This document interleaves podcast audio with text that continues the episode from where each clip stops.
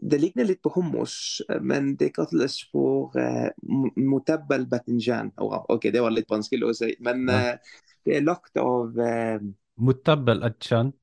batin, batinjan. Det er litt mer um, Motabbel batinjan. Yes. Eller vi kaller det òg for for baba ganoush. Ja, baba ganoush. Ja, Aubergine. Ja aubergine, stemmer det. Det er en veldig fin, god røykt aubergine du lager med, med fisken. Og det, det gir en veldig god, fin ettersmak. Så det, Kan du slenge den på bålet? bålet. nå, nå begynte jeg å bli sulten nå. Ja, ja, ja. Velkommen til Havkontoret. Mitt navn er Øystein. Jeg er sosionom, musiker og undervannsjeger. Denne podkasten er en serie intervjuer der vi snakker om hav.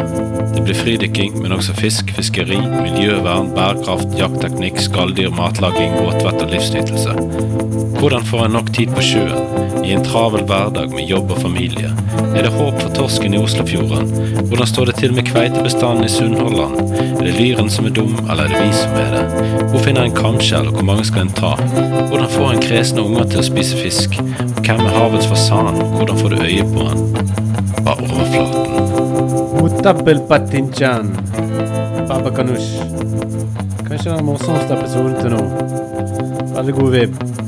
Vi snakker selvfølgelig en del om matlaging. Fif Tappera er en av eh, Norges ivrigste undervannsjegere. Opprinnelig fra Libanon. Har bodd i Stavanger i mange år. Konkurrerer for landslaget og er med og driver nettbutikken Havkongen. Følg Havkontoret på Instagram. Ok, Afif. Yes. Når begynte du med fridykking? Jeg er tredje generasjon i familie med fridykkere, så jeg har begynt ganske tidlig. Eh, første harpun jeg har fått når jeg var når jeg var ni år gammel. Jeg husker det var en Bøsja Arka. Ja. Men eh, jeg fikk aldri lov å, å dykke eh, eller skyte fisk alene, som har alltid vært far eller farfar med meg. Så jeg startet ganske tidlig. Jeg var ni år. Hvor var dette her? Det var i Beirut, Libanon, Ja. fra Middelshavet. Ja. Var det bra med liv i sjøene? Ja, jeg ville sagt når jeg var mellom 9 og 14-15, så var det alltid mye spennende å se og mye spennende å oppleve. da. Men, og mye fisk i det periodet der. Vi snakker om 90-tallet. Ja. Men når jeg vokste opp og, og blitt i 20-alderen min, så begynte det å bli mindre og mindre. Man merker det. Overfisking og og så feil eh, regulering av eh, fangst og sånn, så ja. blir mye påvirkning. Har du vært tilbake og, og dykket i, eh, i Beirut siden du kom til Jeg Norge? pleier, jeg, jeg pleier å dra eh, til Beirut hvert år for å treffe gode venner og familiemedlemmer som fortsatt fridykker. Ja. Så, men det har, vært, det har vært et stund nå. Det har vært ca. fire år siden jeg har vært der nede. Ja. Hvilken av familien din er det som, som dykker, da? Min far og så farfar. Ja. Og så alle onklene mine. Ah, ja. Kult. Ja. Så da du vokste opp helt på kysten? Altså helt med Jeg, jeg var født i et båt i midten av krigen, rett og slett. Å ja, ja. Og så vokste opp, eh, vokste opp eh, langs kysten. Så det var en stor del av mitt liv. altså Havet og Middelshavet. Det er jo Det, det, det føles hjem. Og så kom du til Norge. Hvor lenge er det siden du kom til Norge, da? Jeg kom til Norge i 2011. Mhm. Og um, jeg var invitert av en venn for å, for å besøke Norge i oktober. Og vanligvis oktober det er vel høstferie. Du får sånn to uker i Vestlandet vanligvis med god vær. Ja. Og da truffet jeg Vestlandet på det fineste været med hav og fjell. Ja. Og da, da I fell in love. Ja, ja. sånn. ja. Var du ute og dykket, da? Jeg hadde med meg en fiskestang. Men jeg har aldri tenkt å dykke. Eh, altså når jeg kom på besøk. Og da fikk jeg en del fisk. Så det ble litt sånn av en litt crazy idé å hoppe inn i sjøen når det var eh, ca. ti grader. Det er ikke noe jeg er vant med. Nei, nei. Kan du huske hva fisk du fikk? Første kast ut, jeg hadde sånn jig eh, som jeg satt på fiskestanga med. Jeg fikk en lir på et par kilo. Ja. Da var jeg sånn Wow, det var enkelt. Ja, ja. Det får du ikke i Middelshavet vanligvis. Du sitter på timevis for å få et eller annet. Men her var det første kast, andre kast, tredje kast. Fisk, fisk, fisk. Hot. Så det var ganske morsomt. Det var eh, ut på Randøy. ja. Hvor er det hen? Mm. Det er i fylket. Ja. Så det, det var veldig fint vær og helt stille og mye sol og mye fisk denne dagen. da. Det Ja. husker jeg veldig godt. Så da forelsket du deg i lyren, da? Ja, ja første fisk i Norge var lyren. Og så, eh, og så etter et par fisk etterpå så fikk jeg en liten torsk. Men det var veldig spennende med den, den fine, mørke fargen. Det er taretorsken, vet du. sant? Ja. Eh, Oransjeformet med prikker på et eller annet som stikker ut under haken. Det var sånn, Wow, det var noe spennende fisk. Ja. Og så ehm, eh, da, var du på, da var du på besøk i to uker, og så kom du tilbake en gang seinere, da? Eller så Ja. Så eh, altså når jeg så været og så, så fjell og hav, og jeg er en, en person som elsker naturen vanligvis. Eh, fjell, eh, jakt og hav er undervannsjakt og fridykking på meg. Ja. Så eh, var jeg sånn ah, Det er en god idé. Og det er selvfølgelig en godt etablert land. Så tenkte jeg hvorfor ikke? Bare prøve meg her. Eh, Så kom jeg tilbake i januar. Eh, og da var det litt annerledes enn det som jeg opplevde i oktober. Ja, ja. Litt uh, morsomt vær. Kulde, selvfølgelig, men uh, ikke like kaldt uh, som mainland Europe, liksom. Men det var mildere vinter, men det, var, det føltes veldig kaldt ut. da. Men var det da Flyttet du til Norge da, eller var, det, var du flere ganger på besøk, eller? Nei da, da flyttet jeg til Norge. Mhm. Og eh, sendte jeg alle papirene mine for godkjenning som ja. tannlege. Ja. Og da, eh, da begynte jeg eh, eventyren å jobbe og studere videre som spesialist og eh, eventuelt etablere meg i landet her. Ja. Kult. Er du interessert i matlaging? Jo, som, eh, som libaneser, matlaging er en del av kulturen.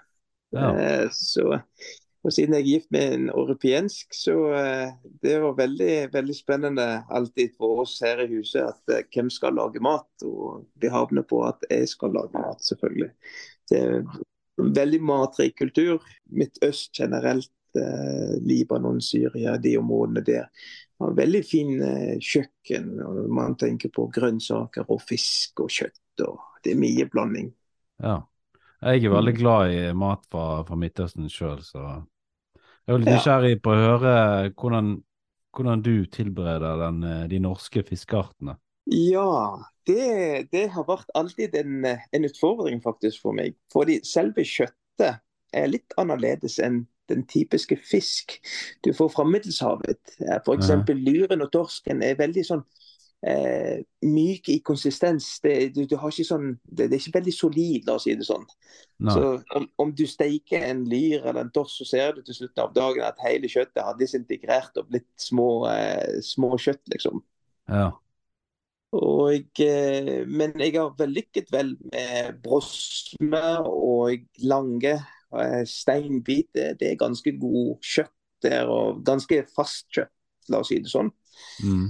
Og den vanlig, vanligvis oss som kommer fra Libanon, vi liker ikke å sette så mye ting rundt selve kjøttet enn bare litt, eh, litt salt og få beholde smaken av fisken. Men det er heller hva du skal lage rundt det. Og det er sånn små som hummustallerk eller eh, sa, eh, sånn eh, små salater rundt. Og så det blir litt på en måte som tapas på, på Ja. siden av. Og da, da har du iallfall en veldig fin på en måte hovedrett med fisk, og så kombinerer du det med små, små andre retter for å få smaken. Eh, En smakrik, la oss si det sånn, middag. ja. Hva, er, hva type ting er det du liker å, ha ha tilbehør til fisken, da? Utenom hummus? Ja. og- Ja, altså, det vi har um, Generelt sett det er jo f.eks. Eh, med en vanlig eh, filett, vanligvis. Jeg fileterer mest av fisken, bortsett fra havabbor. det fileterer jeg ikke. Jeg spiser hele med skinnen på. Ja, ja. Eh, så eh, hvit fisk generelt, det er hvis Jeg lager sånn eh, Vi har en salat, eh, salat som, eh, som heter tabole. Det er en type salat som de lages fra persille. Ja. Og eh, det har veldig god, eh, god smak inni seg. Og så I tillegg til det så har vi eh, en, en type rett òg. Litt mer som en eh, Det ligner litt på hummus, men det kalles for eh, mo- motabbel batinjan. Ora, OK, det var litt vanskelig å si. Men Ja. eh, det er lagt av eh, Mutabel atchan. batin, batinjan. Det er litt mer Mutabel batinchan. Yes. Eller vi kaller det òg for for baba ganoush. Ja, Det baba ganoush. Ja, ja. Aubergine. ja aubergine, Ja, stemmer det. ja. Det er en veldig fin, god røykt aubergine du lager med, med fisken. Og det, det gir en veldig god, fin ettersmak. Så det, Kan du slenge den på bålet. nå, nå begynte jeg å bli sulten nå. Ja, ja, ja. Ja, men det Så, det- eh, og, så, og så har du òg Du kan òg spille det europensk og så lage litt potet på siden av, og så lage litt saus. Eh, men generelt sett, eh, en god kjøtt, så det er det som bestemmer hvilken retning du skal ta middagen til. Om det blir en tapas, eller blir det en sånn eh, enkel type eh, rett med bare litt fisk og potet og litt salat på siden av. Men eh, en god fisk, samme som f.eks. en eh, bikkvar, f.eks., eller Mm. en eh, havabbor, eh, de, de der eh, vil jeg, jeg helst spiser rent. Fordi de har veldig god kjøtt inni seg. go- Godt, fast kjøtt. Med litt salt og litt eh, basilikum og eh, olivenolje. Og lettstekt, så du får eh, en premium middag. Jeg har faktisk funnet ut at eh, jeg var på en restaurant oppe i eh, Sogn, ute Ja. i eh, Hardbakka. Der var jeg på en restaurant, og det var noen grekere som, hadde, eh, som driver en restaurant der. Og da fikk jeg kveite med, med timian på. Oh, det er ganske godt. Og det var veldig godt, så det er jo et tips til de som hører på. At, eh, ja. Ja, timian generelt det passer veldig godt hvit, hvitfisk. White Ja. fish. Vi brukte det veldig mye med groupers, altså um, daskegroupers i Middelshavet. Ja. Eh, når du skyter en fisk over f.eks. seks eller syv kilo av en daskegrouper, så er det ganske fast kjøtt. Ja. Og med timian og uh, olivenolje, det, den, den gir en veldig fin aroma til kjøttet.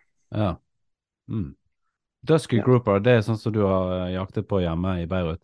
Ja, det var sånn eh, the, the, the biggest prize, liksom. Daskegrouper. Generelt sett, eh, groper eh, generelt er en, en type fisk som alle betaler mye for, på en måte. Mm. Det er en sånn en first, uh, first prize fish, på en måte. Til og med i konkurranser. Ja. Jeg har sett litt, eh, jeg, har, jeg ser jo på litt sånn videoer og jeg ser at den grouperen er veldig populær, ja. Den ligger jo ofte i sånne huler, ikke? Sånne, Mm. Mm. Det, det er litt Jeg vil ikke sagt det er en veldig vanskelig type jakt, men det er en utfordrende type jakt. Fordi i Middelshavet per i dag Vi snakker om ikke alle steder, men de fleste. Fordi jeg har òg en leilighet i Spania, og jeg er der ganske ofte for, eh, for undervannsjakt.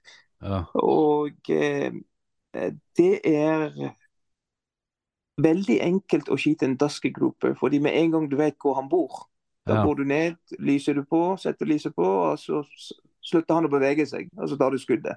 Mm. Men når du har overfisket den arten, og det er hovedfokus på den arten, så over mange år så forsvinner de, og så begynner å bli dypere og dypere. Så per i dag, hvis du skal skyte en daske grouper på 10-15 kilo, Mm. det skal, det skal gå ned til 40 meter for, for å finne de. Mm. Det, det er litt utfordrende for mange. Sant? Så, eh, for å dra ned 40 meter for skitten skyte daskegruppe. Det er derfor vi prøver nå per i dag, iallfall i Libanon, prøver å lære folk at det finnes andre muligheter og det finnes andre typer fisk som smaker like bra som den fisken. Ja. For, for bare få litt mindre belastning på den arten der. ja. Er, hvor i Spania er det du har leiligheter? leilighet, da? Jeg har leiligheten på et område som heter Joret di Mar. Det er ti minutter fra Tossa di Mar. Det er en veldig kjent område for undervannsjakt, og det har vært en verdensmesterskap der. Ja. Og det er halv time fra Barcelona mot Aha. Frankrike. Og Ja. det er 40 minutter til Perpignan. Det er den mest sørlige by i Frankrike, rett og slett, mellom Barcelona og Frankrike. Ja. Så det, de kaller det for Costa Brava. ja. Eh, Jeg, har vært, eh, jeg har vært i Costa Brava noen ganger. ja. Mm. Det er veldig veldig spennende område. Det, det minner meg veldig godt om hvor jeg kommer fra. Fordi du har hav, og du har altså disse steinstrandene. Eh, og de går inn i havet og lengre ut, og så får du veldig fine områder under vann å undersøke. Mm. Så, eh, og mye, mye god fisk som du kan få, fordi det, det er veldig nært inngangen til Atlantic. Det er eh, også allikevel du er i Middelshavet, så det er ganske varmt òg. Ja. Oi, så det, det er helt sør, på en måte, da? Nei da, nei da. Det er Ja. altså det, det er eh, på Barcelona litt Altså, det er Girona-området. Ja, Men og, ja, Du, det er ikke helt- samme for eksempel som Italia. Da Da har du krysset allerede midten av Middelshavet. Ja, I denne sånn, ja. siden av Middelshavet du er ganske nær eh, Atlanterhav. Så Ja. Er det mer fisk der enn lenger øst i Middelhavet? I wish. Altså, det er kontra Libanon. I Libanon da må du jeg må dykke ned til 25 meter for å skyte en god fisk. Mm. I Spania, i, i, mid- i, i fall det området, Girona-området, Costa Brava-området, det Mm. finnes enkelte steder hvor du kan skyte en Dentex på 10 kilo på en 7 meters eh, dybde. Ja. Og det er, eh, det er et, et tid Altså, det er vanligvis februar-mars. Eh, og mot april, spørs om hvordan er været det. Men når det blir kaldt i vannet, og det blir seks grader, altså, ja. ja, så, eh, så får du stor fisk på, på grunnere vann. Men Mm. på sommeren, altså i sommeren, la oss si sånn mot uh, juni-juli, så må du dykke til 20 meter for å skyte en fin daskegroper eller uh, en fin dentex, eller eventuelt uh, bunnfisk. Ja. ja, men det er kult. Har du, har du reist mye, mange forskjellige steder og eh, jaktet? Ja, eh, det har vært alltid et mål for meg eh, å dra på ferie til et sted hvor jeg kan faktisk drive med undervannsjakt. Så jeg har undersøkt eh, de fleste steder i Middelshavet fra Sør-Europa. Eh, vært òg Nord-Afrika, eh, Mhm. Marokko og Algerie. Og det var, Algerie var fantastisk. Algeria. Det var jo imponerende.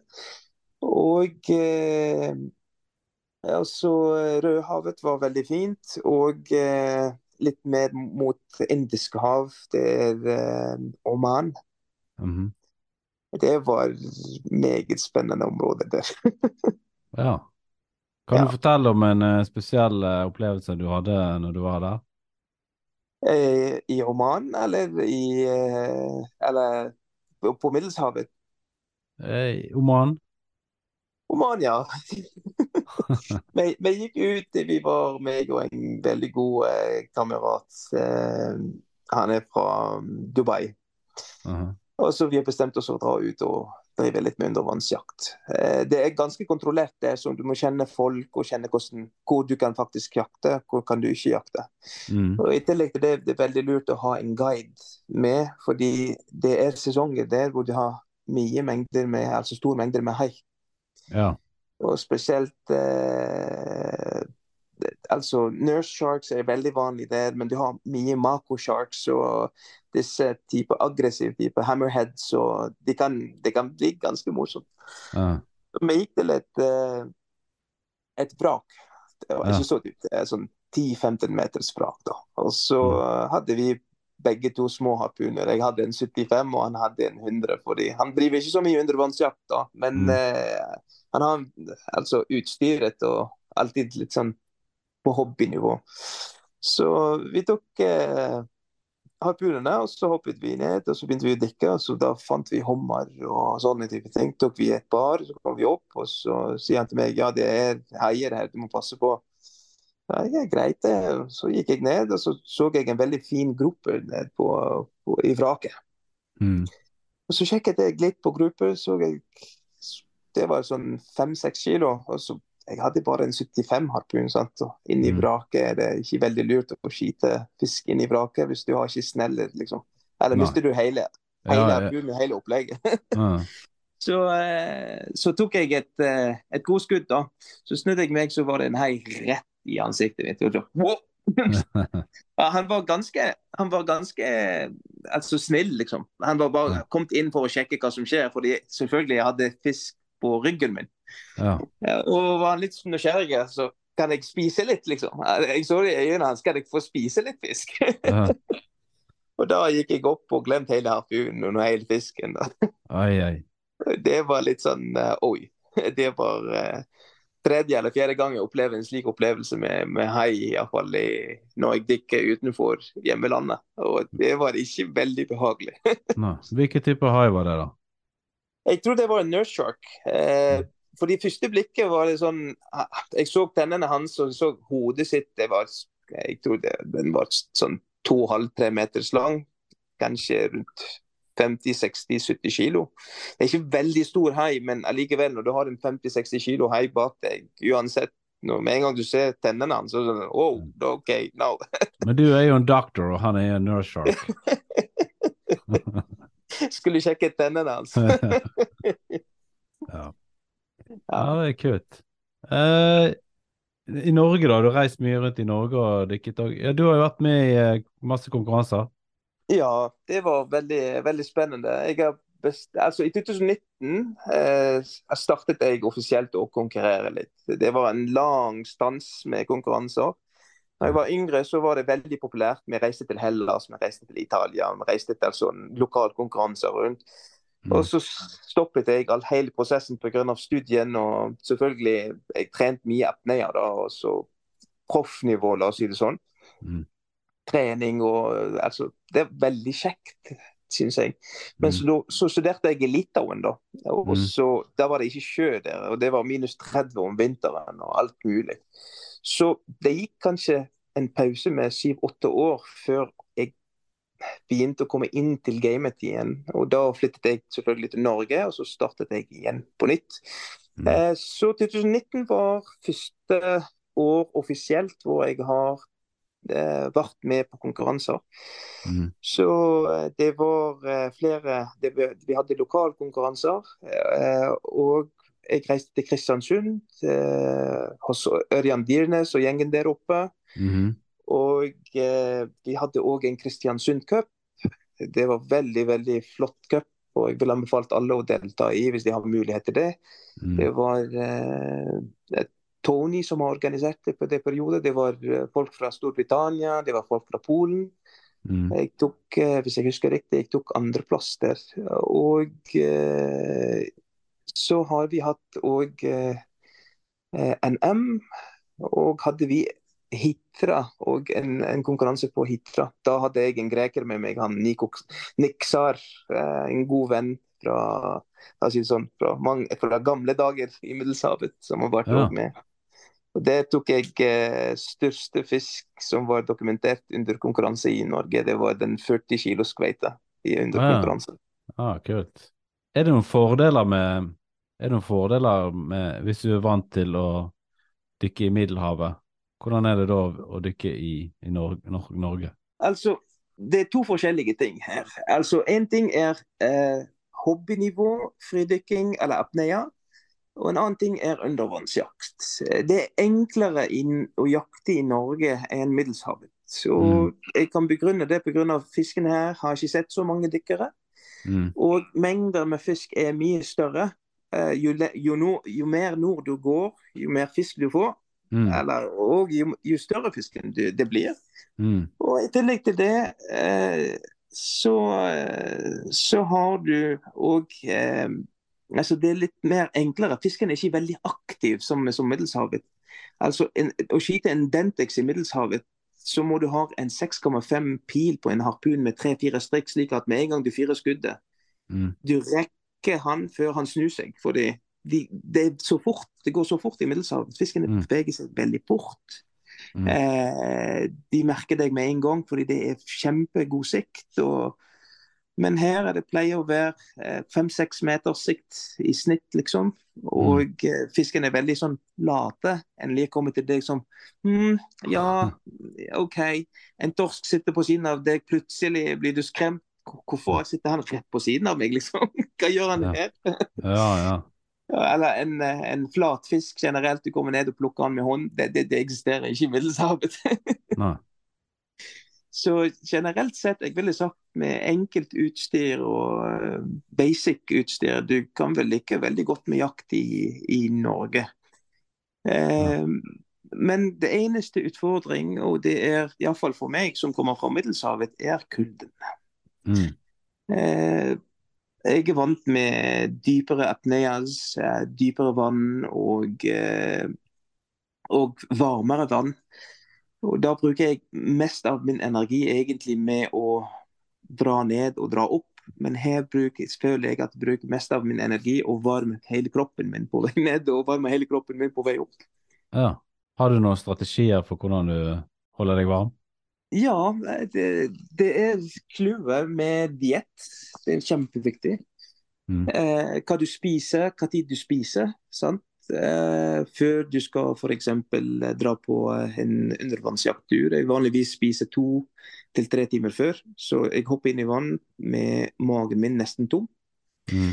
Men selvfølgelig har jeg spist en veldig tøff eh, frokost la oss si sånn, med havregrøt og honning på siden av, og varm te og alt disse karbohydrater som man trenger for å bare fyre opp hele kroppen. Mm.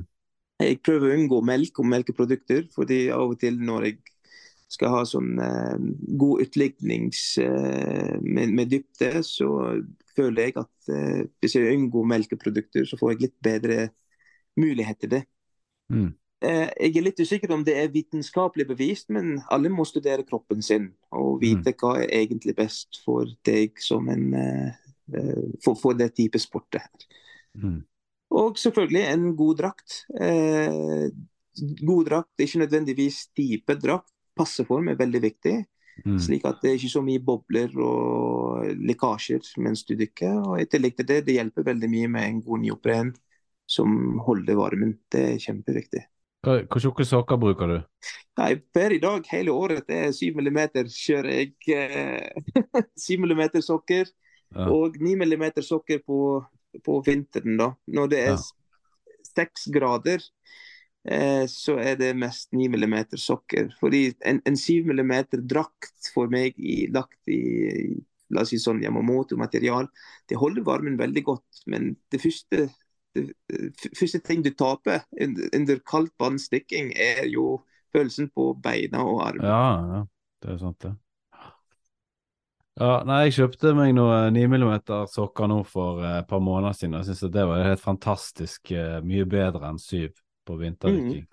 Det er Deilig. Jeg synes det. Ja.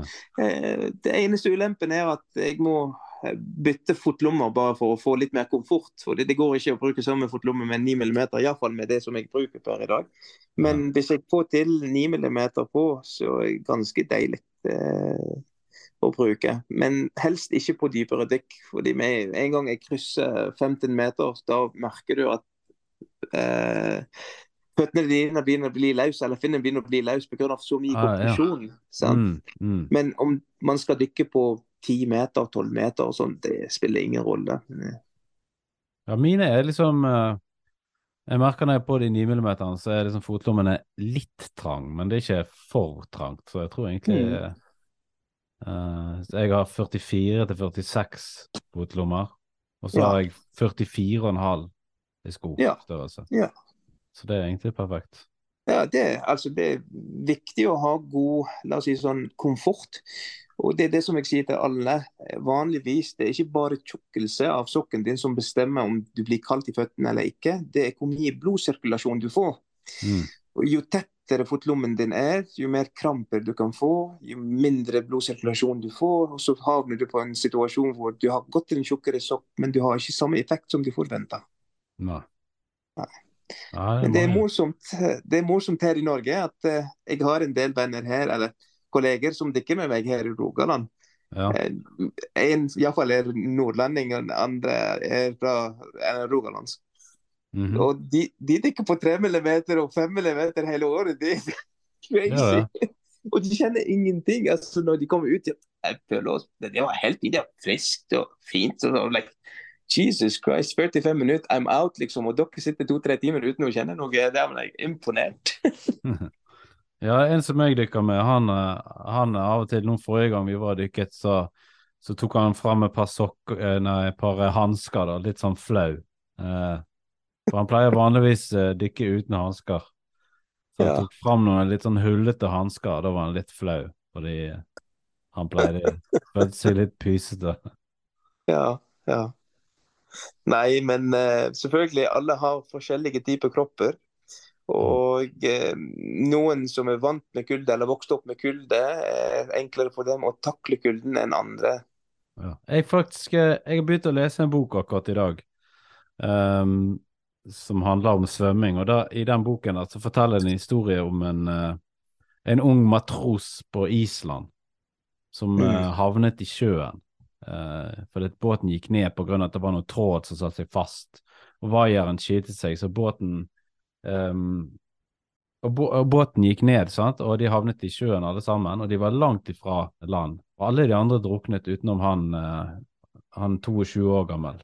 Eh, han svømte til land, eh, og dette var på vinteren, òg. svømte til land. Det var ca. seks kilometer, og så gikk han liksom to-tre kilometer etterpå, Wow. før han kom inn til eh, nærmeste bebyggelse. da. Visstnok det som var greia med han, da, det var at han hadde et sånn spesielt sånn fettlag på 14 millimeter under huden. wow. Så, Imponerende. Gudlaugur heter han. Da kan okay. Sjekke han ut. Det, men det er litt morsomt hvis du ser på en måte bilder av han på, på Så ser du på en måte at han har liksom et sånn spekklag, da. Det må vi få til her i Norge. Vi begynner bare å spise litt mer. Ja, men det er sikkert vanskelig å få det helt sånn perfekt sånn som han fyren. Ja. Um, Det er òg genetisk, tenker jeg. At uh, noen folk har mulighet til å bygge slik, og andre folk får bare f.eks. Eh, rent eh, muskel eller whatever that is. ja. ja, det er mye forskjellig. Yes. Um, hvor, er, hvor i Norge er det du liker best å dykke hen?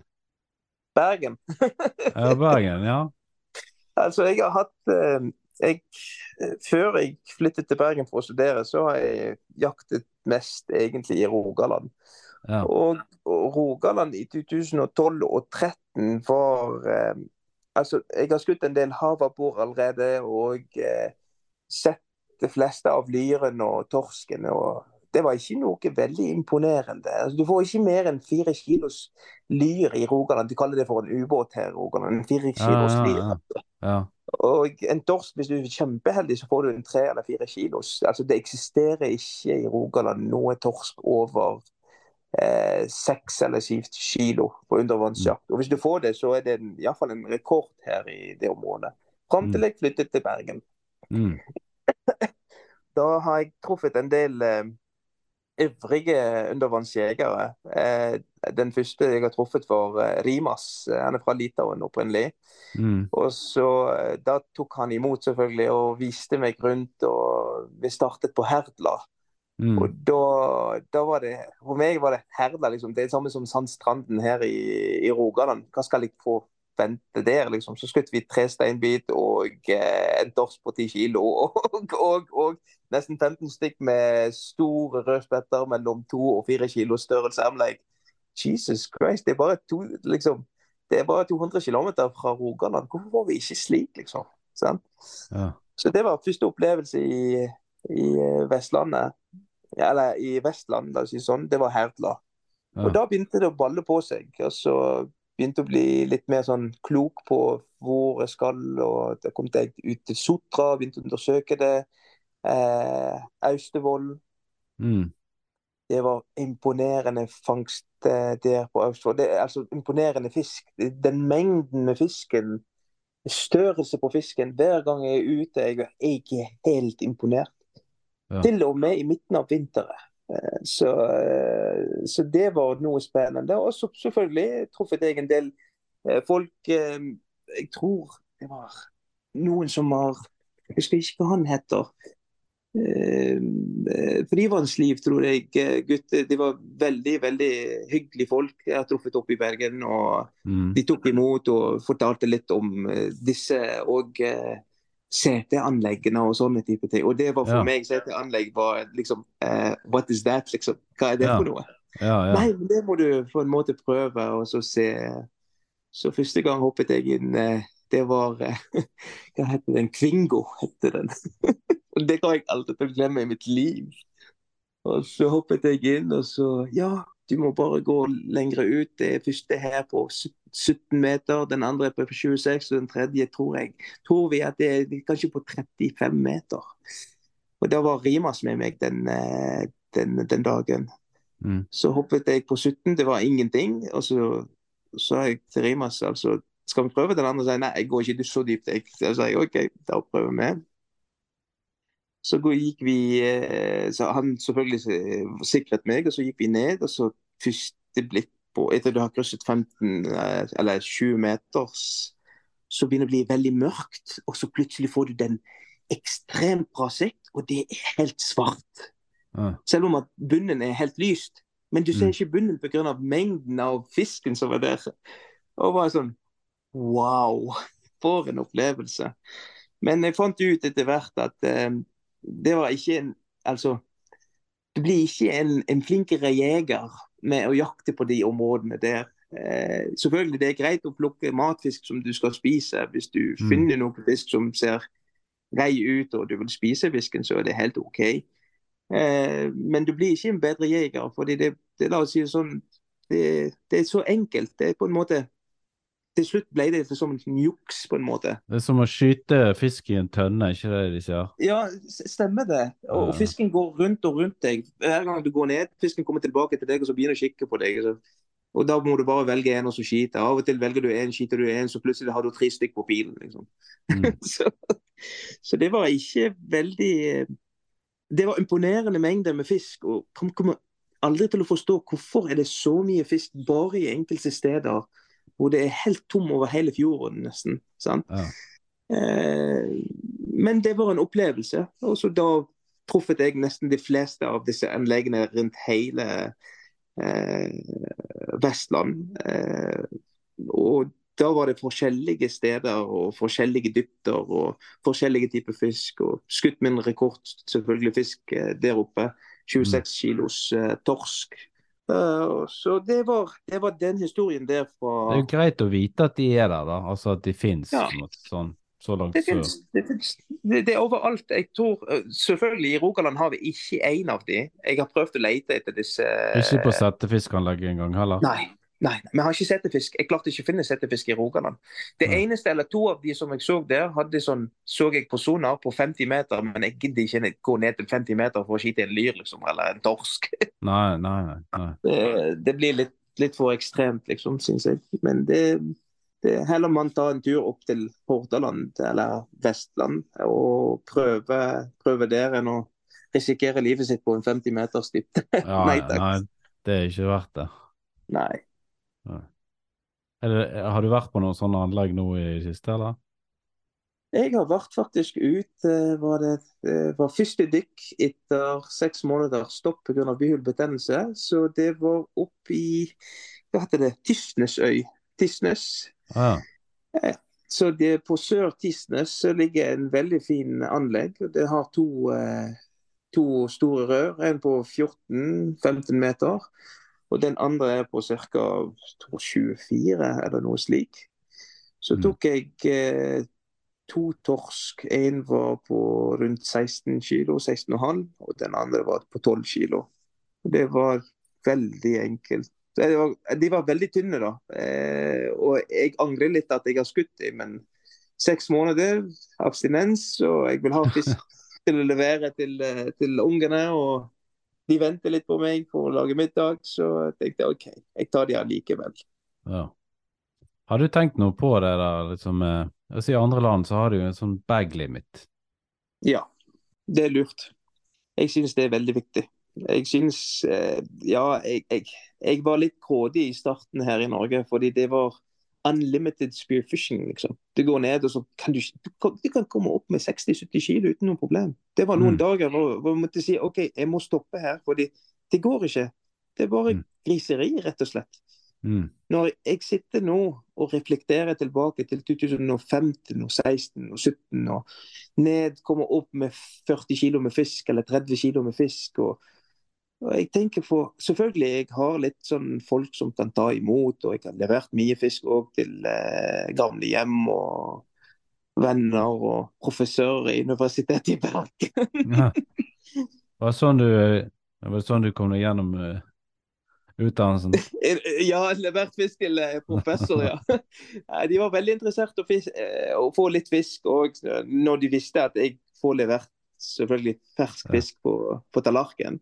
Mm. Så jeg var veldig glad over det. Men når jeg sitter nå og reflekterer litt, og jeg tenker var det vits, liksom? Og, og bare ta et par bilder som vises, for å vise meg fram at jeg kan skyte fisk, og jeg har mye fisk med meg. Og så, når, vi- når, når man vokser litt i, i sporten og begynner å se litt rundt og tenke litt bedre, og så man begynner å tenke kanskje det er veldig viktig å være ansvarlig og prøve å bevare områdene og fisken. Fordi dette her må det være en, på en måte en langsiktig sport, eller skal de kalle det for. Eh, Det er en eh, type selektiv type jakt, hvor du har muligheten å velge fisken du vil ha med deg tilbake hjem. Mm. Så tar du en eller to, eller ta fem hvis du vil det. sant? Men ta det du trenger, og så la resten være. Og Det er det som er feilen i Libanon og mange andre steder i Middelshavet.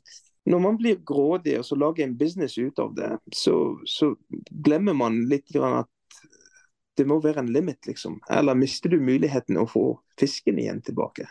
Mm. Så Det er det vi opplever også Per i dag, med, med spøkelseteiner og overfisking og alt dette her som vi ser at det, det ødelegger veldig mye for naturen. Selvfølgelig, vi som undervannsjegere ødelegger ikke veldig mye for naturen kontra Nei, det er jo liksom sånn her eh, Altså, alle undervannsjegerne versus på en måte én trålebåt, det er jo egentlig ganske lite. Ja. lite jeg- men, eh, men Ja. eh, likevel så er det jo på en måte Det er jo en diskusjon som, som vi kan være med å, å ta opp. For det, jeg føler jo det burde vært noe som fisk- sportsfiskerne òg skulle være interessert i, egentlig. Og, Altså, jeg ville sagt 'fish responsibly'. sant? Så Mm. det, det er en ting å, å tenke på litt. fordi Hvis den sporten skal fortsette videre til neste generasjoner, så må Mm. vi òg prøve å være ansvarlige og passe på på det vi gjør. ja. For det er jo så, det er så kult bare å dykke i seg sjøl. Mm. At du da på en måte kan dykke, og så ta med deg noe, et par fine fisk. sant? Sånne, sånne som oss òg, som dykkere, så ofte vi kan. Så sånn Mm. at uh, hvis vi tar med for mye, så kan vi ikke ta med like mye neste gang. Og en vil jo ta med seg noe hver gang. Ikke sant? Det er sustainability, det er kjempeviktig. Så, eh, og Det er derfor jeg sier til alle altså Denne sporten her er eh, eh, 90% opplevelsen din under vann. Og fisken, eller middagen din, er alltid en bonus. Får du fisk, så er det veldig greit. Får du ikke fisk, iallfall har du hatt en fantastisk fin opplevelse under vann. Og du har opplevd noe nytt. Ja. Har du prøvd noe nytt i det siste, sånn av av sjømat? nye ting i sjømat. Eh, ikke så mye. En, kanskje Nei, det er ikke noe nytt. Tingen med sjømat altså, Du kan ikke spise for mye sjømat. Eh, eller blir du litt sånn på en måte sånn åh, jeg vil ha en pause fra det. Så jeg ville sagt sjømat for meg, det er sånn som bølger. Noen måneder har jeg veldig lyst på det, og noen andre måneder vil jeg ta en liten pause, slik at jeg fortsetter å ha den lysten å, å spise igjen. Men Mm. jeg er veldig, veldig big fan av eh, blekksprut. Veldig big fan av eh, calamari, eller, eller sånn eh, Chipironis. Ja. Chipiron, ja, det er digg. Chipironis, oh Ja, ja. my god. Chipironis er, er eh, number one.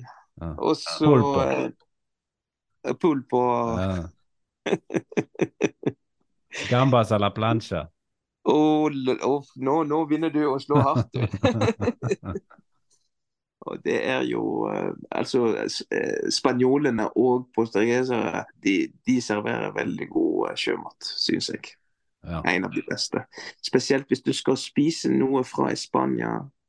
Hvis du skal dra ned, du skal spørre etter eh, pulpo. Det er blekksprut fra Galicia.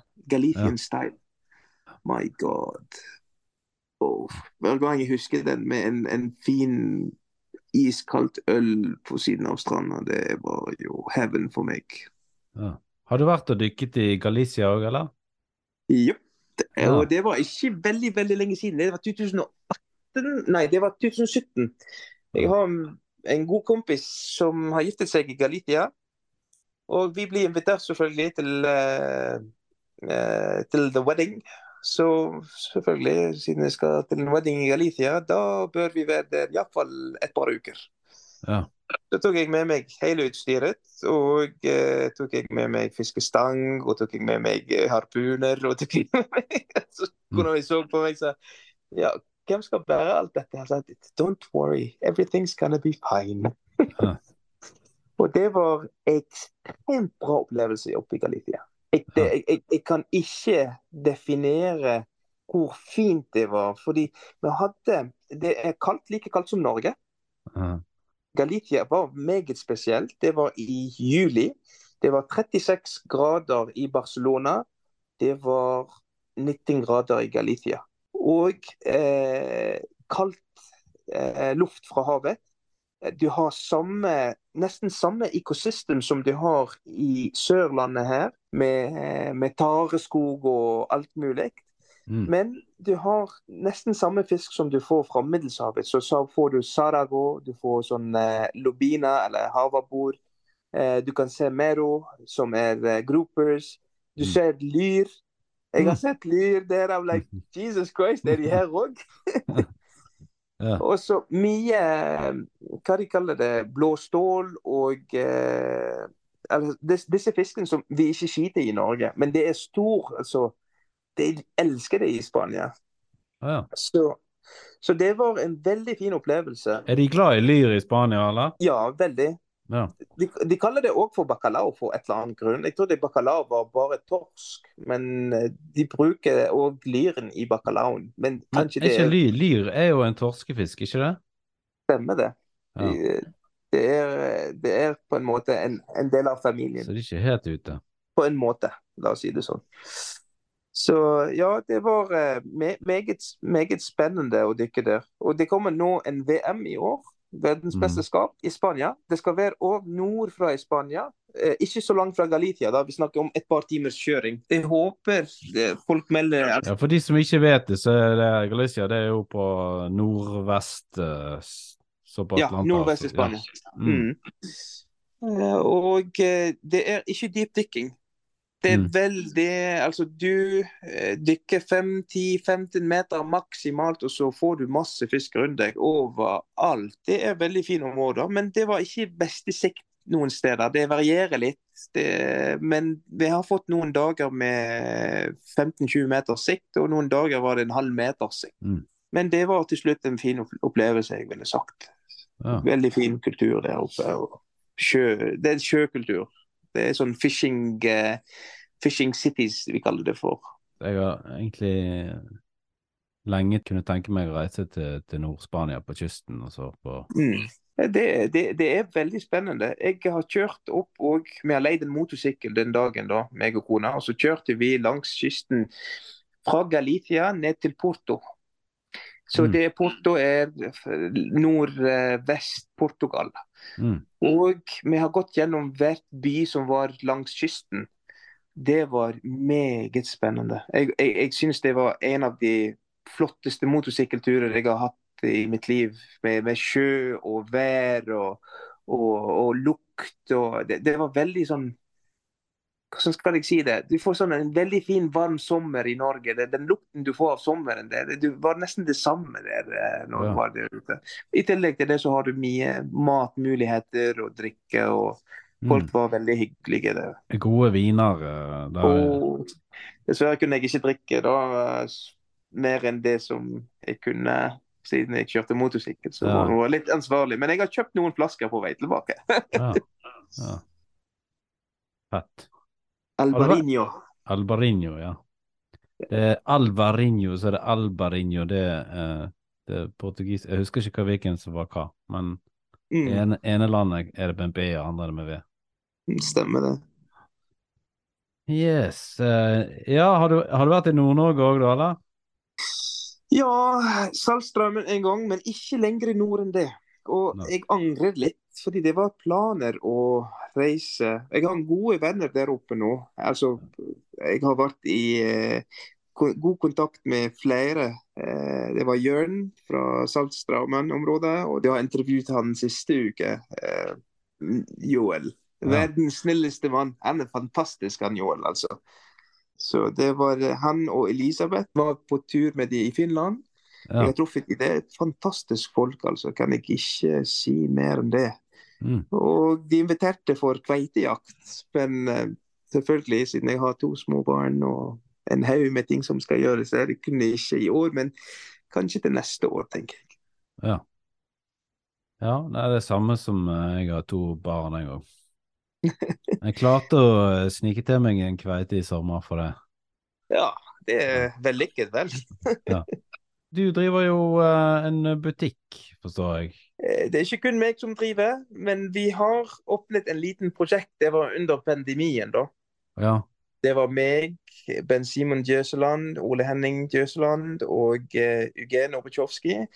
Uh, veldig hyggelige gutter som jeg har truffet når jeg flyttet tilbake til Stavanger. De er en Mm. del av uh, klubben vår, Rogaland fridykker og undervannsjakt. Og så kom de med Altså, når vi begynte å jakte og flyttet båten og alt, og spurte jeg etter folk som var interessert å være med ut i havet for å dykke med meg. Jeg, jeg vil ikke dykke alene. Jeg vil alltid dykke med folk. Og det, det er veldig viktig med sikkerhet. Og så Mhm. folk var plutselig interessert. At OK, hva du holder på med? Og vi så så mange bilder av deg og fridykker eh, forum back in time, liksom. Og kan du vise oss her, og kan du vise oss der? Så, så begynner den type sosial type eh, opplegg mellom meg og de fire. Så begynner vi med apnétrening, og så begynner vi Så begynner det å bli større og større. Og så plutselig må vi ha litt utstyr, da. Mm. Og eh, de, de spurte meg, altså kunne du ikke tenke De visste at jeg var eh, eh, godt i lag med eh, XD Diving. Det er en veldig, de var som verdensmestere i 2016 i eh, og de er basert i Hellas, og jeg har trent veldig mye med de. Så de spurte meg om jeg er interessert i å starte noe. Mm. Så jeg, eh, hør nå, eh, jeg har nok å gjøre på den tannlegepraksis og spesialiseringen min, eh, men eh, jeg kan bidra. Eh, men jeg kan ikke gjøre alt alene. Ja. Nei, nei, nei, nei, vi deler oppgavene våre, og så vi gjør det samme som du sier. Men du kan ta PR, siden jeg eh, jeg kjenner de fleste av produsentene. C4, Chetma. Har vært alltid på messer. Nesten hvert år jeg er ute i messe, på messe, og så treffer vi folk. Pathos. Altså disse Mm. store brands og disse atletene vi, vi har per i dag, spanske, spanjolene og italienerne. Giacomo Di Molla, vi gikk på samme skole, meg og han.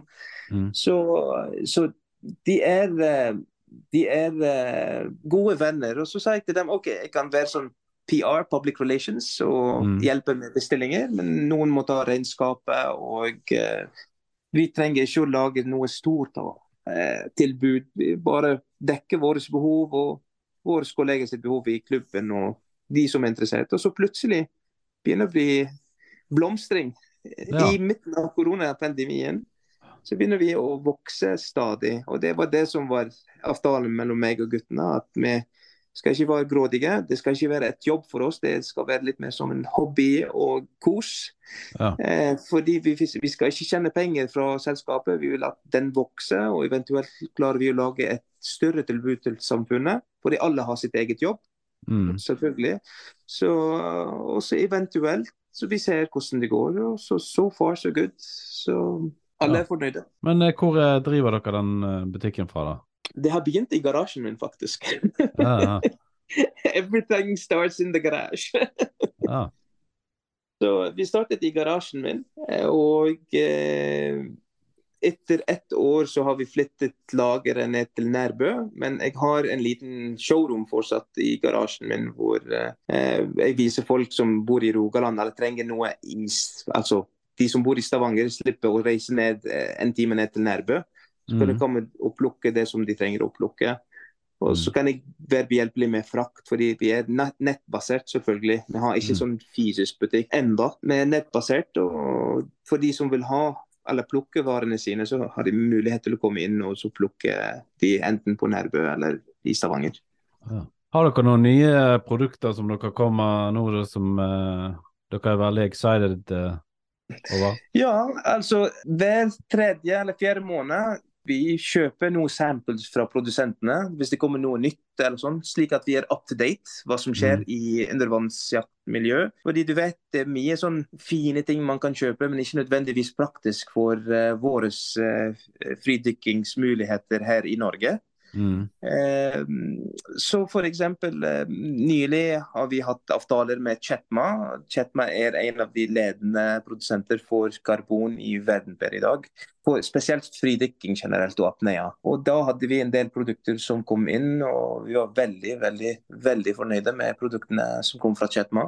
Og så, Ikke for å reklamere, da, men vi hadde òg Patos-harpuner som kom inn. Det var eh, veldig Altså altså basic, men veldig praktisk å, å bruke. Og, og så nå kommer nå neste uke, tror jeg, eh, en haug med custom made harpuner fra El Greco.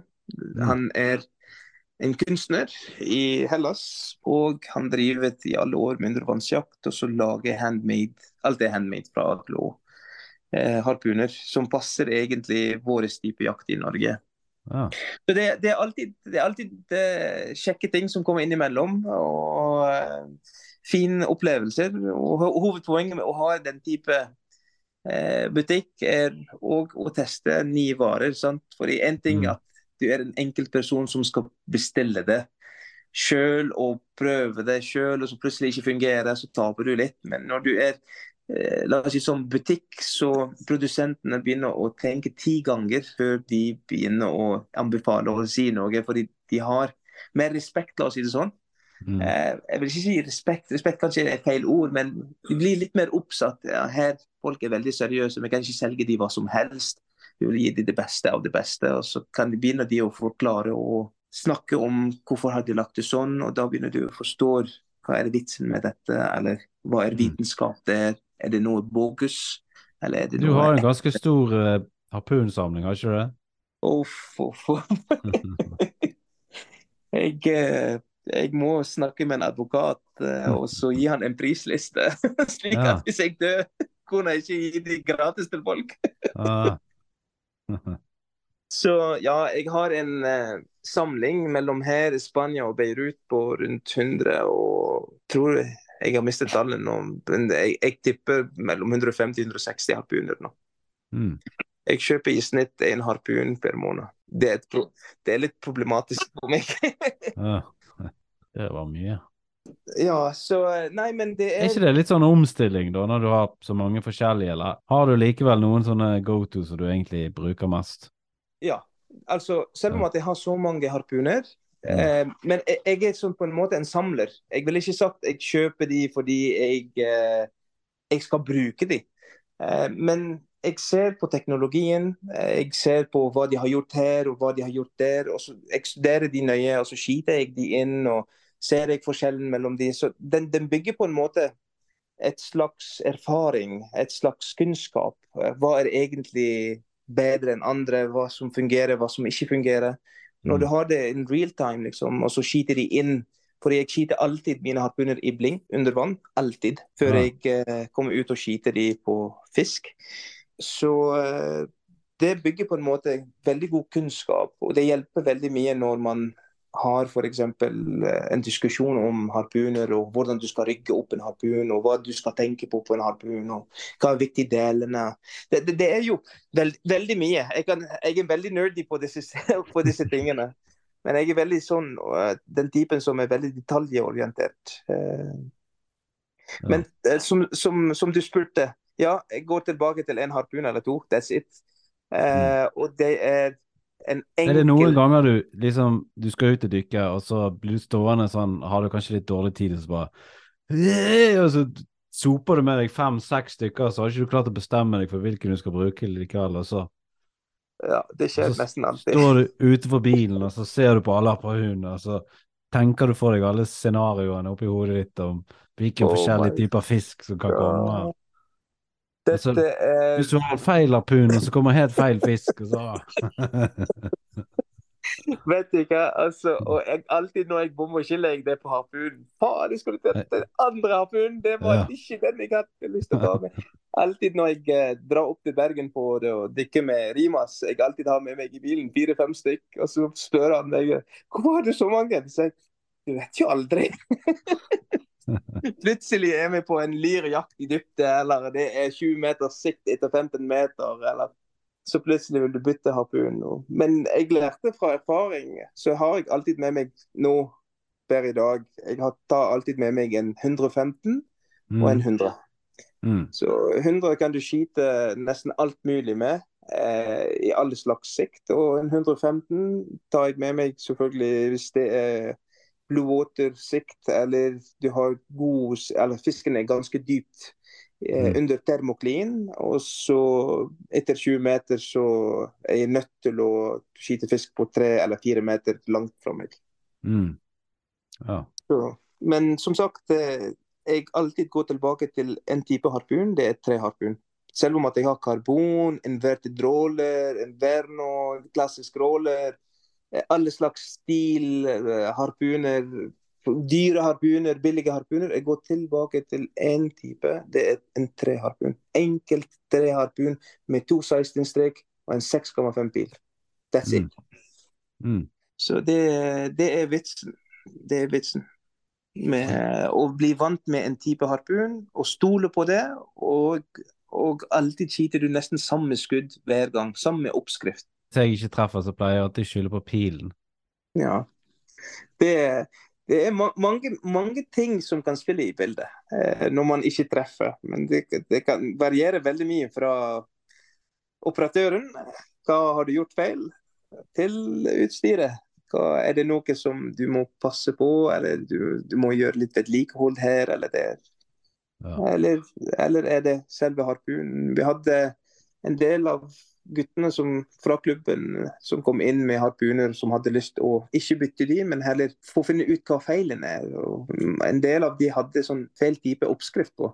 Det er bare at det, de går ikke an å sette på en eh, en lett harpun, en karbonharpun, en 7 mm pil og to ekstremt sterke 16. Du får en ekstrem rekyl som ingen kan tåle. og Det mister du veldig mye fisk med. Med en gang vi har byttet til 2,14 og en 6,5 bil, altså de ringte meg dagen etter. Faen, jeg treffer hver gang! Så, så, Ja, men det er et eller annet med den der rekylen av og til. Det går an å venne seg eh, til en, Hvis det er en sånn spesifikk rekyl, så kan du jo venne deg til, til det. Stemmer det. Stemmer det. Med alle, altså, vi skal, vi skal være helt åpne. Eh, alle klassisk type harpuner har rekyl. Alle. Alle. Mm. Det, it's, it's Newton third law. Newtons law. For every action, there's an opposite reaction. Men husk at når du spenner, og så skal du skyte altså Pilen din går samme retning, samme som eh, strikkene dine, og så har du en rekyl motsatt rett. Så alle harpuner per i dag som er klassisk, har rekyl. Hvor mye rekyl er det? Det bestemmer du sjøl. Eller bestemmer produsenten hvor mye Mm. er en akseptabelt rekyl i forhold til det du har. Og det er noe du blir vant med. Yes, det er riktig. Eh, Jeg vet mange folk som skyter harpuner med sinnssykt mye rekyl, men de har en god teknikk, og de vil helst ha Mm. det sånn. Og det er mange andre som eh, aksepterer det ikke. Altså kanskje de vil Jeg ville sagt at de er ikke vant med det. Blir de ikke vant med det fordi de har sånn dårlig teknikk å kontrollere rekylen, og så plutselig bommer de på hvert enkelt fisk de, eh, de skyter. Mm. Og det har vært, eh, jeg, har sett, jeg har hatt en del eh, folk hos meg, eller venner og sånn som har kommet. Med en gang jeg trener de for undervannsjakt, jeg er instruktør i undervannsjakt, det eksisterer ikke i Norge, så skyter vi alltid på blink. Og når vi skyter på blink, så ser jeg hvordan de ligger, hvordan armen er strekt ut, hvordan de sikter. Og når du skyter, hvordan de beveger seg, altså hvordan harpunen beveger seg ved rekylen. Om det er noe feil med, med Mm. han som tok skuddet, eller var det feil med harpunen, eller kanskje det er ingen feil i det hele tatt. Han er blind. Nei da. Mm. Mm. Ja, da er Ja. det litt vanskelig. Lite å gjøre. Har du noen gang eh, skutt en fisk, eh, og så har ikke harpunen din vært kraftig nok? Ja. ja, det jeg, jeg blir litt sånn Jeg får sånn hjertebank hver gang jeg tenker på, på disse scenarioene. Og jeg, eh, jeg angrer. Men det er, det er på av at jeg var litt sånn for ivrig å skyte enn å tenke. Det er det av og til som Mm. går galt med undervannsjakt. At du blir veldig sånn hip, altså hyped på en måte når du ser den store fisken. Mm. Og så glemmer du avstanden. Du glemmer hva slags harpun du har i hånda ditt, og så glemmer du reglene. Si sånn sikkerhetsreglene. Du blir sånn dratt inn. Eh, Så ja, det har jeg. Og eh, jeg har mistet over tolv harpuner pga. det. Jeg har ikke bare mistet en bil, liksom. Jeg har mistet harpuner og hele opplegget. Og gikk opp og grinte en halvtime. og det, har skjedd, eh, men ikke nylig, da. Men, eh, men jeg lærte veldig mye fra det. Og så lærte jeg uh, regel number one think. Så skyter du. Du skal ikke skyte og så tenke Mm. etterpå. Ja, nei, det er jo noe å tenke på. Det går jo veldig fort noen ganger. Ja, altså Skuddplassering. altså Ja. Vi må være litt ansvarlige òg på, på slike ting. OK, uhell kan skje. Det kan skje med alle. Nybegynnere, Mm. Erfarne folk. Eh, alle kan få litt uhell. Alle kan skade fisk. Eh, og det må vi òg eh, Jeg er en av de som har skadet en del fisk. Yes, det er meg. Jeg har til og med skadet en, en makrellstørje på 200 kg. Og jeg kunne ikke få han. Og bare fordi jeg var altfor Mm. ivrig. Det var så stort, tok jeg skuddet. Og jeg så at pilen min gikk gjennom. Men altså 200 kilo, den skal dra meg til Mexico, liksom. Det, det er galskap. Mm. Det var ikke i Norge, da. Kok. Så, og jeg hadde ikke en breakaway-opplegg. Tyrkia, da? Nei, det var Hellas. eh, det var ikke Hellas, det var Kypros. Ja. Før de har satt forbudt forbud eh, mot uh, makrellstørje. Mm. Og en annen gang som har skjedd i Beirut, og jeg var eh, 16 år gammel. Mm. Eh, det har skjedd akkurat det samme. Så, Men problemet mitt Fikk du kjeft av din farfar, da? At, Å, herre mann. Jeg fikk kjeft i hele uke. Hele uken. Hver gang jeg våkner og før jeg legger meg. ja. Men det er jo tingen med makrellstørjen, det er det som er eh, skummelt med makrellstørje. eh, At eh, når de kommer, eh, altså hvis de kommer i enkelt, eh, og de ser deg ikke, ja. de kommer mot deg i one line, Mm. Du vet aldri hvor stor de er. Nei. Samme som en stor lyr. Ja. En svær lyr som ser på deg rett i øynene, Ja. og så går han rett mot deg. Du, du kan ikke tippe hvor stor han er før han har bøyd seg og så vist seg hele kroppen. Mm. Og Det er samme med makrellstørje, men du ser hodet til en makrellstørje vanligvis. Du forventer at det er en fe- 50-60 fisk. liksom. Mm. Du vet med en gang du ser hodet at han kommer mot deg. Det er 50-60 kilo minst. 50-60 kilo kan jeg skyte, det er ikke noe problem. Mm. Men med en gang du fyrer skuddet, og så han bare gjør en liten turnover, og så ser du at han er dobbelt så stor som deg, Mm. da blir det litt sånn dårlig stemning. Ja. At shit, jeg skulle ikke gjort det. Nei, det, det er noe å tenke på.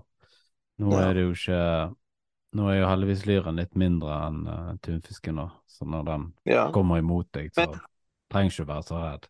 Men tunfisken kommer til uh, Norge, og jeg har sett de oppe i, i Bergen to ganger. Ja. Og det var ikke så langt fra Sotra. De var mellom eh, Sotra og uh, Askøy. ja. Og jeg har hoppet inn i vannet, og, men eh, jeg klarte ikke det, var- det var ikke lov å skyte de egentlig, men jeg var altfor øvrig. Men når jeg så hvor store de var, det var, sånn- det var ikke vits i det hele. tatt. Det var ikke vits. Eh, altså, det var rett og slett ulovlig. Det er ikke lov å skyte makrellstørje i Norge. Og så nummer to, når jeg så Det hvor veldig store de Det er jo bra, da, fordi hvis du på en måte Hvis du skyter en fisk på 200 kilo, sant, og selv om du skulle klare å få den opp, så er det utrolig mye ulovlig kjøtt å ha i frysen. Du blir tatt med en gang, liksom. Du må spise den fisken alene. aleine. Det tar årevis. Tenk på alle de det- de ensomme, ensomme, skamfulle middagene jeg hadde hatt da. Ja, ja, ja. Jeg var så nysgjerrig, for jeg, jeg så jeg, jeg var på vei tilbake hjem da med båten slutten av dagen. Og så krysser jeg eh, mellom Sodra og Askøy, og så så jeg det var noe som frenzy som skjer. Så jeg tenkte frenzy i Norge, hva skal skje? liksom? Jeg visste aldri at makrell større kom til Norge engang. Mm. Aldri visste om det. Og så så jeg på, mens vi krysset, så så jeg på sonaren min. Jeg hadde en veldig god Forono. da, Det er sånn industrinivå sonar på båten. Mm. Og så vidt jeg merker, altså, han, han, han måler på fisken. To og en halv meter, tre meters anlegg. Hæ? Er det noe feil? så stoppet jeg båten, og så jeg hadde kone med meg. Så jeg bare, bare stå her, jeg skal ta harpunen og hoppe inn. Hoppet jeg inn med harpunen, og så begynte å kikke litt rundt. Så jeg første flash jeg har hatt fra første fisken som kom opp mot meg. Og så var det sånn wow. Det var eh, ja, OK. Ja, nesten dritet meg i buksa. Hoppet opp inn i båten, så fortsettet videre. Og da, da begynte jeg å undersøke litt makrell større i Norge, bluefin tuna i Norge, og visste aldri at de store kommer her, liksom. Mm. Så eh, det som vi får i Libanon, maks den største makrellstørja jeg har skutt på 90 kilo, 98 kilo. Nei, det var en på 123 kilo, men det var, jeg tok andre skudd da, så det er ikke min fisk, rett og slett. Mm. Men uh, vi får ikke noe større enn det. Men her, her var det sinnssykt. Når du leser litt om de, og så ser du størrelsene. Vi snakker om 200-300 kilo, 400 kilos fisk, liksom. Mm. Det er en dinosaur. Ja. Vi har snakket en del om tunfisk i tidligere episodene, og da det er sånn, Ja. sånn uh... Med han uh, sportsfiskeren. Ja, han, og så mener òg han i Fiskeridirektoratet. Stemmer. Stemmer. Altså, det som greien er at eh, det er bare de største som kommer forbi, sånn, men hvis det på en måte hadde kommet noen litt mindre tunfisk, Mm. så hadde kanskje det vært litt lurere, på en måte.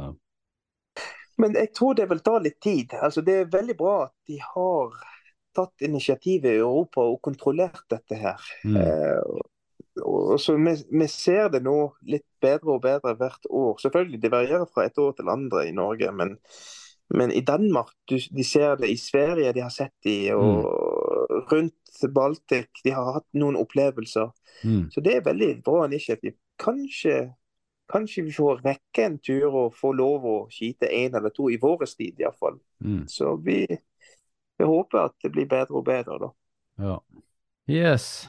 Har du noen planer eh, innenfor dykking i år som, eh, som du gleder deg til? Ja, det er mange planer. Eh, ikke sikkert at jeg skal delta i mange konkurranser i år pga. helsesituasjonen, men eh, vi skal til Bømlo om eh, ja, om ikke så lenge. Det er faktisk 21. april. Mm. Og så skal vi organisere en klubbtur med konkurranse òg, så til NDF i Rogaland. Mm. Vi har ikke bestemt plassen ennå. Og så, hvis jeg har nok energi, så skal jeg gjerne Ja, vi skal ha Hitra-turen til klubben. Mm. Så det, det er nesten at, Nei, over 20 dykkere som skal være der. Mm. Og vi skal ha folk fra Chetma som skal komme, vi en invitert de. Mm. Og så muligens C4 òg kommer.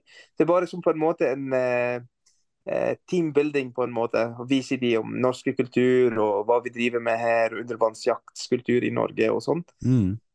Så det blir veldig kjekt. Og jeg har snakket med Daniel Mann og invitert han, men uh, han er veldig opptatt. Ja, han får mange men, eh, invitasjoner, han sikkert. Ja, veldig, veldig hyggelig fyr han der. Ja. Men eh, eh, Afif, eh, har du noe lyr i frysen? Lyr i frysen. Ja. Skal vi se. Ja, jeg tror jeg har litt eh, lyr. Men eh, sesongen starter snart. Mm. Ja, jeg har mest vilt her, da. Men jeg, ja, jeg har litt lyr. Ja. Men ikke så mye, da. Så sesongen nærmer seg. Men jeg ville sagt og anbefalt ikke å skyte de største akkurat nå i april og mai, pga. at det er gyteperiode. Oh, ja. Så det er viktig. Altså, du får ubåter. De største ubåtene, den største fisk jeg har skutt av lir, var i mai-periode. ja. Og det, var, det har jeg gjort i 2016, når første år i Bergen. Ja. Og jeg angret etter det. Altså av mest av de som jeg har skutt, hadde store mengder med rogn. Ja, altså én stor fisk det vil ikke kanskje gjøre så mye påvirkning, men hvis alle skal ut og begynner bare å skyte på fem, altså ti og tolv kilos lyr, hvis de får mulighet til det, det kan være litt uh, skadelig, selvfølgelig. Det er min mening. Det er min mening. Mm. Men jeg liker ikke å skyte fisk i gyteperiode, altså gytesesongen. No. Uh, slutten av mai, juni, juli, august, september, feel free, liksom. Men eh, jeg har spurt mange biologer som jeg, jeg har truffet, og de, de sier at eh, lyren gyter flere ganger i året, men det er mest opplevd at de gyter i eh, april nå. det er nå februar, mars-april. Mars, ja. Og mai, mai blir det slutt, nesten slutten av gytesesongen. og så Eller gyteperioden. Gytingsperiode. Så blir det slutten av mai, kanskje. er beste del for å skyte stor lyr. Men mm. ellers, selvfølgelig, hvis du skal skyte to kilos, tre kilos lyr, det skal ikke være et problem. Men jeg mener bare det er big mamas, liksom. Det er de som er sterkest, vanligvis. Er det mamasene som er størst? Ja, de kaller det for ubåter, men jeg kaller de for big mamas. De, de eh, som kommer inn vanligvis med svære mager og svære øyne. Og de ser til og med nå ja, men det er en magisk opplevelse når de kommer og kikker på deg. Så kommer de så nær, så ser de på deg sånn med ditt store øye. De klo du, kloke, liksom. følsomme ja. kvinnelige øynene sine. Ja, Uff, jeg smelter med en gang. ja. ja, men det er fett. Men eh, tusen takk for intervjuet, Afif. Det var veldig mye kule ting.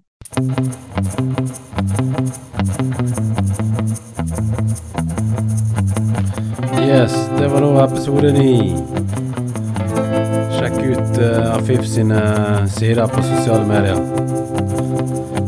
Nå uh, lurer jeg på om jeg skal sette opp en sånn Patron-account. Uh, så hvis det er noen som setter pris på podkasten, så må de følge med. Da går det an å gå inn der og bli Havkontoret med scen. Eller Havkontoret Tjommi. Så det kommer snart opp. Yes. Følg med videre. Snakkes.